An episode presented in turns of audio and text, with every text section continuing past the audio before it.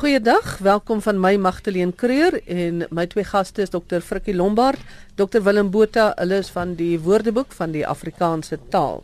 Uh terloops, as julle wil vir die Woordeboek help met borgewoord uh, of enige donasie kan julle dit doen want hulle is op ons donasies aangewese, né?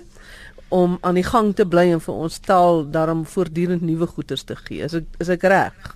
Ja, ons uh, ons maak nie nuwe goed nie. Ons uh, teken eenvoudig alles aan wat gesê word in die geselstaal, die geskrewe taal, uh, die verhewe taal, die kerktaal, die letterkunde, alles wat in Afrikaans gesê en geskryf word, dit wil ons baie graag in die WAT plaas en uh, dit kos 'n klomp geld. So as jy wil deelneem aan borgewoord of donateurs wil word of net ons produkte wil koop, sal dit ons al reeds help.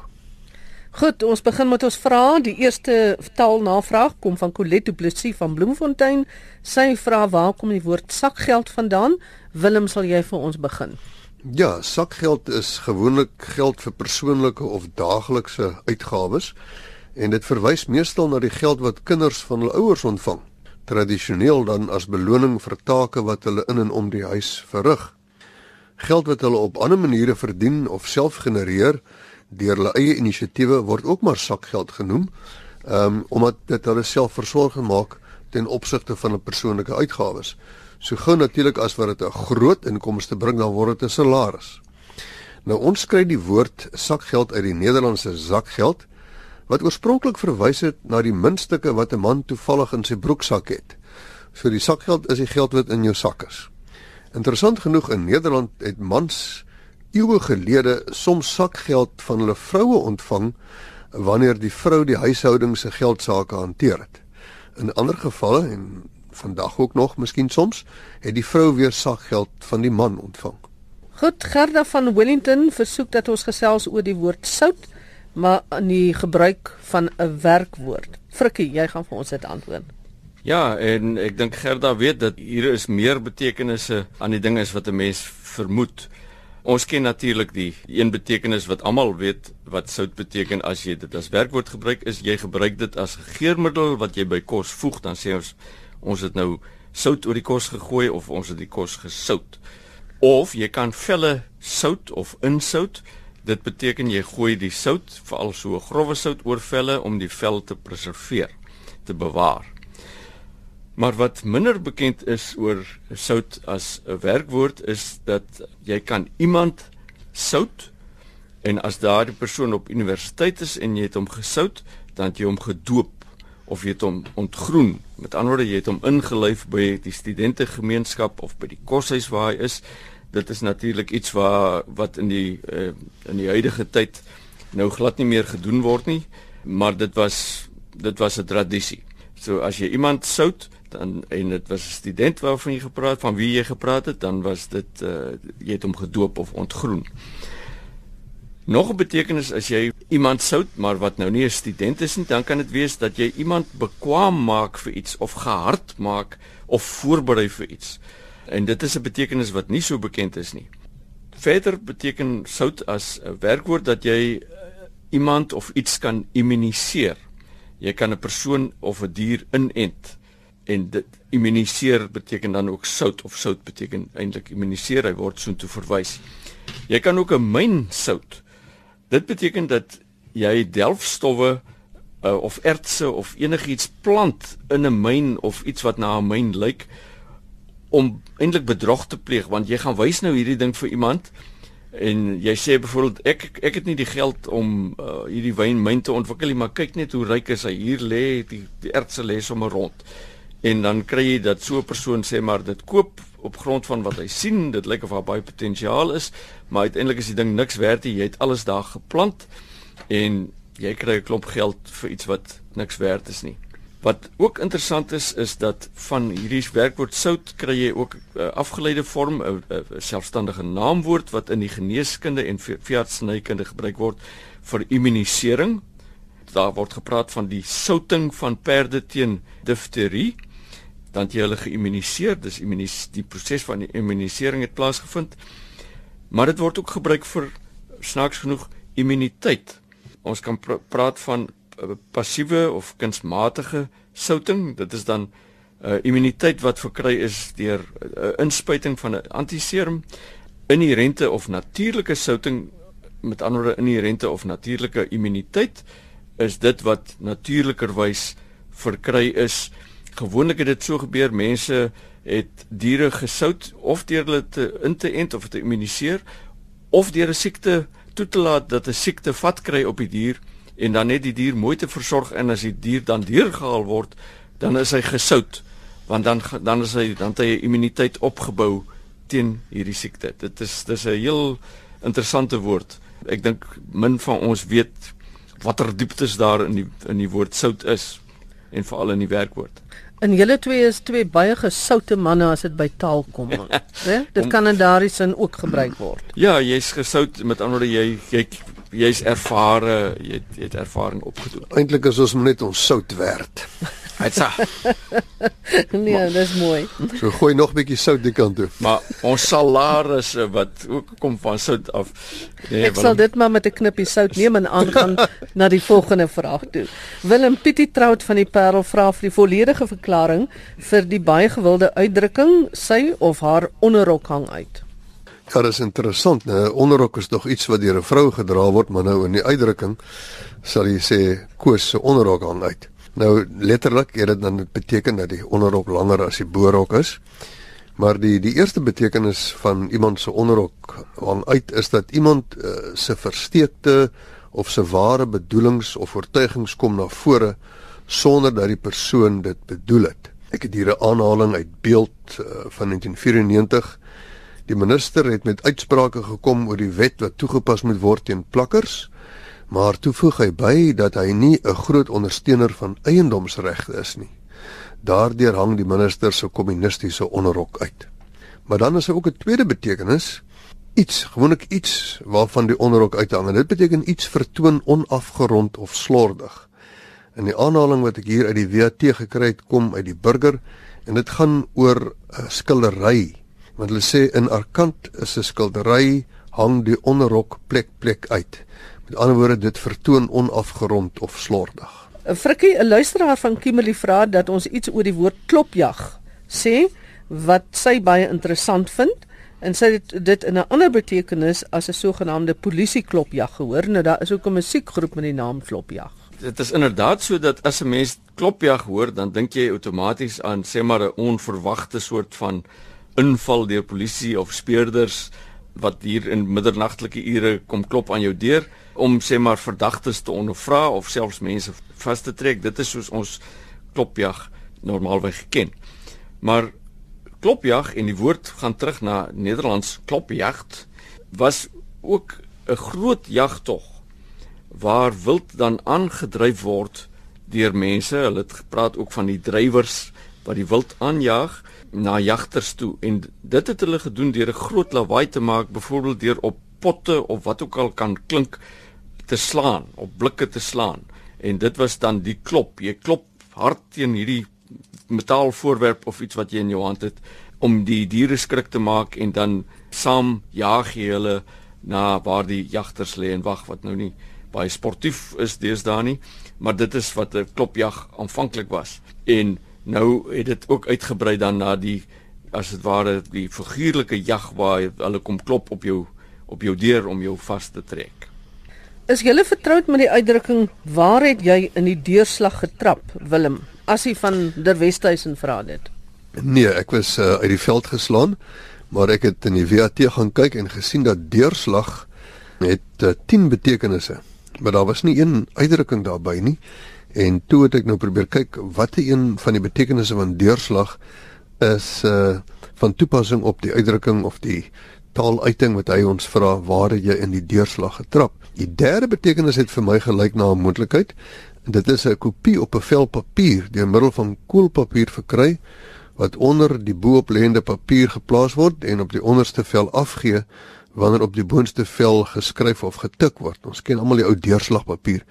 Toe ek nou maar gedink miskien lyk die ou of daar 'n inkol op hom is of so iets.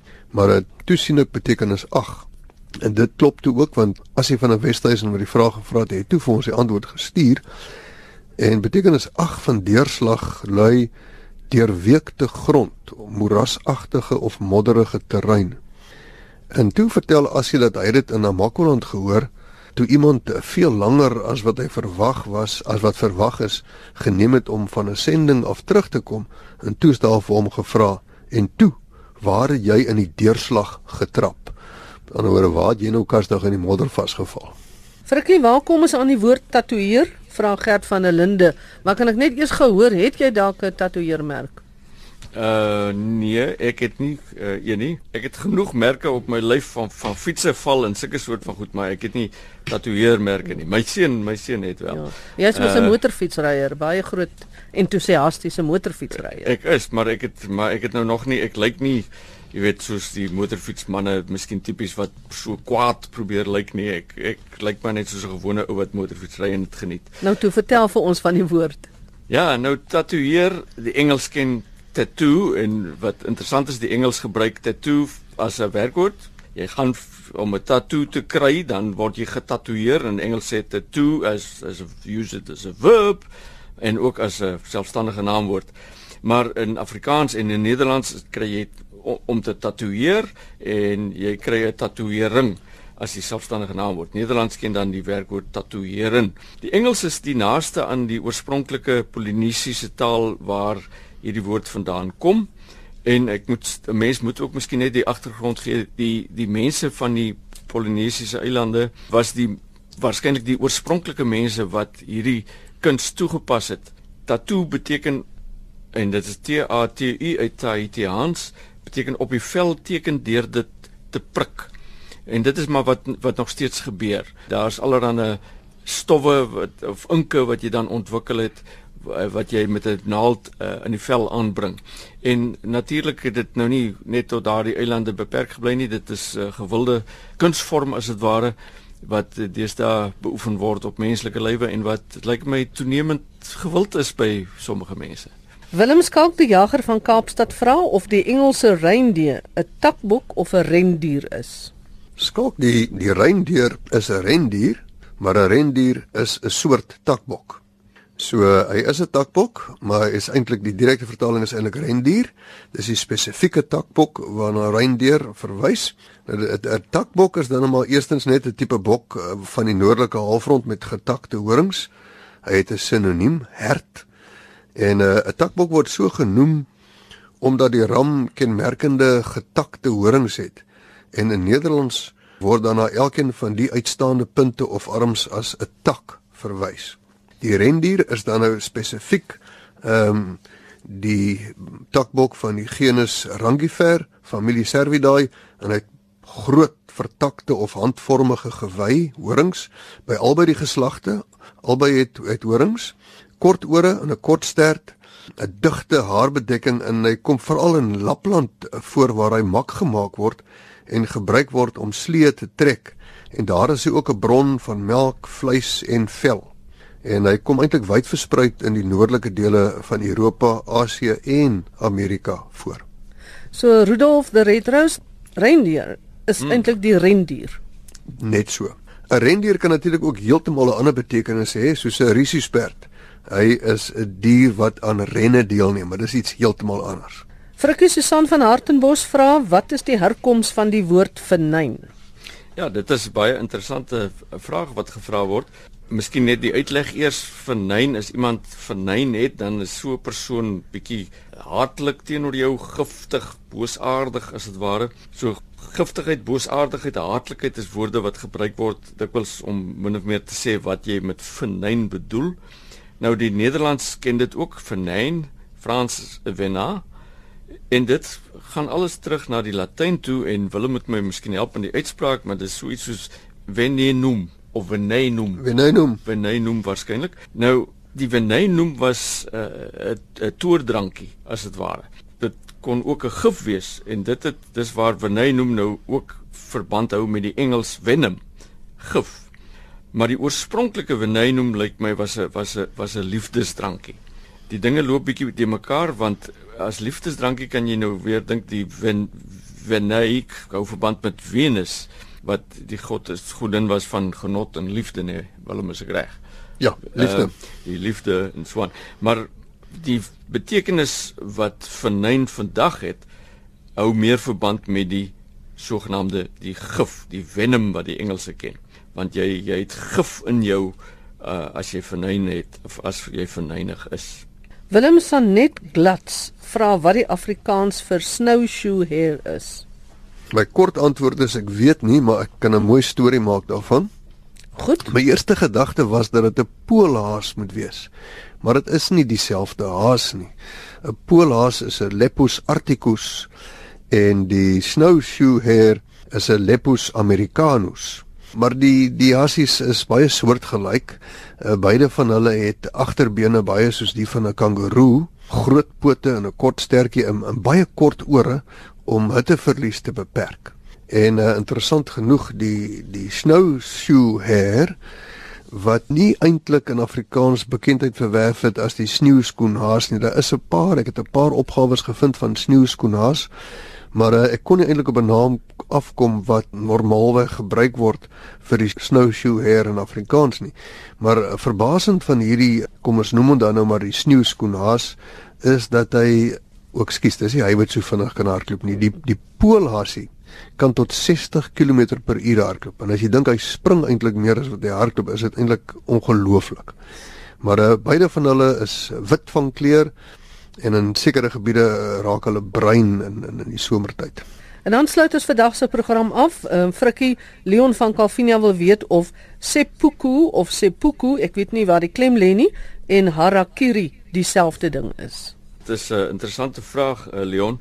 Ek het 'n bietjie vir professor Ernst Kotse genader van die baai omdat hy in Japan al gebly het en hy het heel onlangs het daar 'n Afrikaans-Japaneese woordeboek, 'n pragtige publikasie verskyn van hom. En hy sê wel harakiri en seppuku word met presies dieselfde kanjis geskryf. Nou kanji is daardie skrifteken wat uh, in Japan gebruik word. Dis dieselfde kanjis in die een geval is hulle net andersom as in die ander geval maar hulle betekenis is eintlik presies dieselfde en dit dit gaan terug na die een beteken buik en die ander is om te sny.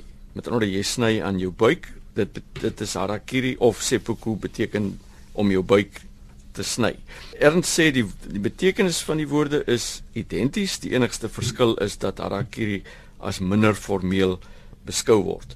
En miskien net as daar tyd is kan ons sê Dit is 'n rituele selfmoord wat veral deur samurai krygers uh, uitgevoer is. As hulle byvoorbeeld die sogenaamde bushido die die erekode oortree het van die samurai en dan het hulle van skaamte het hulle hulle eie lewe geneem. Dikwels terwyl ander mense toegekyk het. Of as jy uh, nie gevange geneem wil word nie nie aan die vyand wil oorgee nie dan jy jou tanto, dis 'n kort mesie met 'n skerp lem wat jy gevat en eenvoudig in jou buik ingedruk en dit oopgesny om te sterf. Dis nou in Afrikaans gespel, um, seppuku en harakiri. Ja. Word hierdie woorde in Afrikaans gebruik? Wel dit die forme wat ek vir jou op papier neergesit het, uh bestaan. Harakiri word baie meer gebruik as seppuku. Seppuku is uh miskien is dit nou meer vir ingeligtes. Miskien het Leon ook nog daai uh, reeks gekyk wat destyds oor Japan uitgesaai is. Wat is die ding se naam? Ek het al bietjie vergeet, maar in elk geval daar het hulle dink ek ook gepraat van seppuku. En daarmee dan die einde van vandag se interessante taalnavraag program. Baie dankie Dr Willem Botha en Dr Frikkie Lombard van die Woordeboek van die Afrikaanse taal. Magtereen Kreer wat groet tot 'n volgende keer.